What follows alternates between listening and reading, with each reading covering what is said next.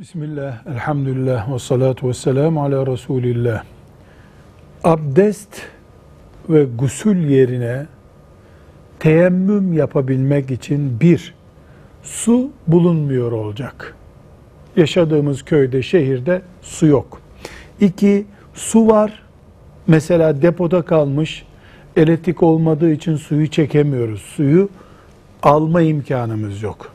Üç, soğuk var suyu ısıtma imkanımız yok.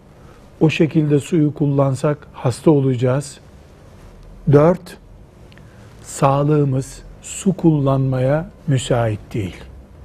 Egzama var. Cilt hastalığımız var. Veya doktor su değdirmeyeceksin demiştir. Bu durumlarda teyemmüm yapılır. O teyemmümde gusül veya abdest ne için yapıldıysa onun yerine geçer. Velhamdülillahi Rabbil Alemin.